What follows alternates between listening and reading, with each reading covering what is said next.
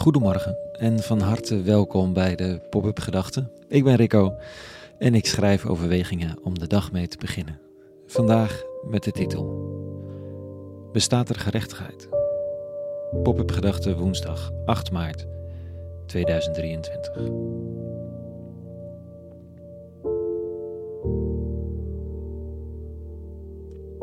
Bestaat er gerechtigheid? Of moeten we die hoop maar loslaten? Het is namelijk zo pijnlijk als je hoop elke keer weer de grond in wordt geboord. Is gerechtigheid iets waar je op mag rekenen? Of heb je gewoon mazzel als de wereld en het leven even klopt? Het klinkt misschien een beetje cynisch. De vraag stellen geeft al een beetje weg. Waarom de kneep zit vandaag. Ik sprak Amit gisteren, een moslim die zich met hart en ziel inzet voor verbinding in Engeland. Een nationale bekendheid daar, onvermoeibaar en uiterst creatief werkend aan vrede. Er moest hem even iets van het hart aan het begin van ons gesprek. Zojuist had Engeland bekendgemaakt dat mensen die het kanaal oversteken per bootje niet meer hoeven te rekenen op een asielprocedure. Giftig noemde hij dergelijke uitspraken. Het met voeten treden van de wet, direct voeding geven aan racistische vreemdelingenhaat, die al teert. Tiert. Hij zal morgen op straat het direct te horen krijgen. Oh, en Rutte, die mensenreddende organisaties op de Middellandse Zee beschuldigt van het meehelpen van mensensmokkelaars. Hij moest zijn woorden terugnemen omdat het van geen kant te hard te maken is, maar het giftige werk is natuurlijk al gedaan. Vandaag zit hij met de Italiaanse premier dit verhaal verder uit te werken. Het zijn politieke voorbeelden en misschien wat ver weg voor sommigen, maar het principe is diep frustrerend. Mensen die zich vol voor het goede inzetten, worden geïdentificeerd met het kwaad. Terwijl ze alles geven voor het maatschappelijk belang, worden ze door de hoeders van het maatschappelijk belang, tenminste in naam en functie, pootje gelicht. En dat steekt. Ik moet eraan denken omdat Jeremia, een van de grootste profeten uit de eerste boeken van de Bijbel, hier vandaag over klaagt. Zijn volksgenoten staan hem naar het leven om wat hij zegt en hij richt zich tot zijn hemelse opdrachtgever. Mag goed met kwaad worden vergolden. Een kuil hebben ze voor mij gegraven en dat terwijl ik voor u stond om voor hen te pleiten, om uw toorn van hen af te wenden. Mag goed met kwaad worden vergolden.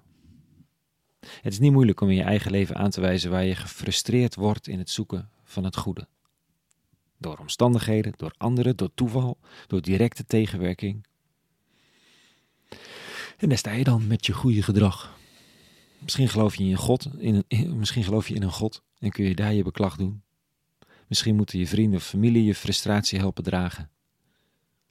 En de vraag rijst of er gerechtigheid verondersteld mag worden, of dat het domweg te pijnlijk is om erop te hopen. In de traditie van christendom is gerechtigheid, denk ik, een margeverschijnsel. Het is een roep, een verlangen, een aanklacht soms. Machthebbers worden aangesproken, maar er is geen werkelijke stok achter de deur. Mensen worden ertoe opgeroepen, maar als ze het niet doen, wat dan? Natuurlijk kan er gedreigd worden met hel en verdoemenis, maar wie gelooft daar nog in? Wie kan hard maken dat ongeluk of onheil het gevolg is van onrecht? Of misschien nog specifieker, wie hecht nog waarde aan de cijfers die uitwijzen dat onrecht onheil brengt? Er zijn argumenten en cijfers te over die bewijzen dat een harde aanpak van migratie, zoals dat nu in Europa gaat, niet werkt. Maar wie hecht er waarde aan zolang er stemmen te winnen zijn? Gerechtigheid komt met lege handen. Gerechtigheid is de wereld dankbaar als er rechters nog opstaan om om de meest onrechtvaardige wetten af te keuren. Gerechtigheid is de hemel dankbaar als goede mensen het goed gaat, want dat motiveert, maar hmm, in de geschiedenis is het goede een randverschijnsel. En Jezus aan de rand van de Joodse samenleving. Een monnik die opkomt voor kwetsbaren. Soms vindt als bij toeval een marge stem gehoor. Neem Martin Luther King. Maar niets garandeert het.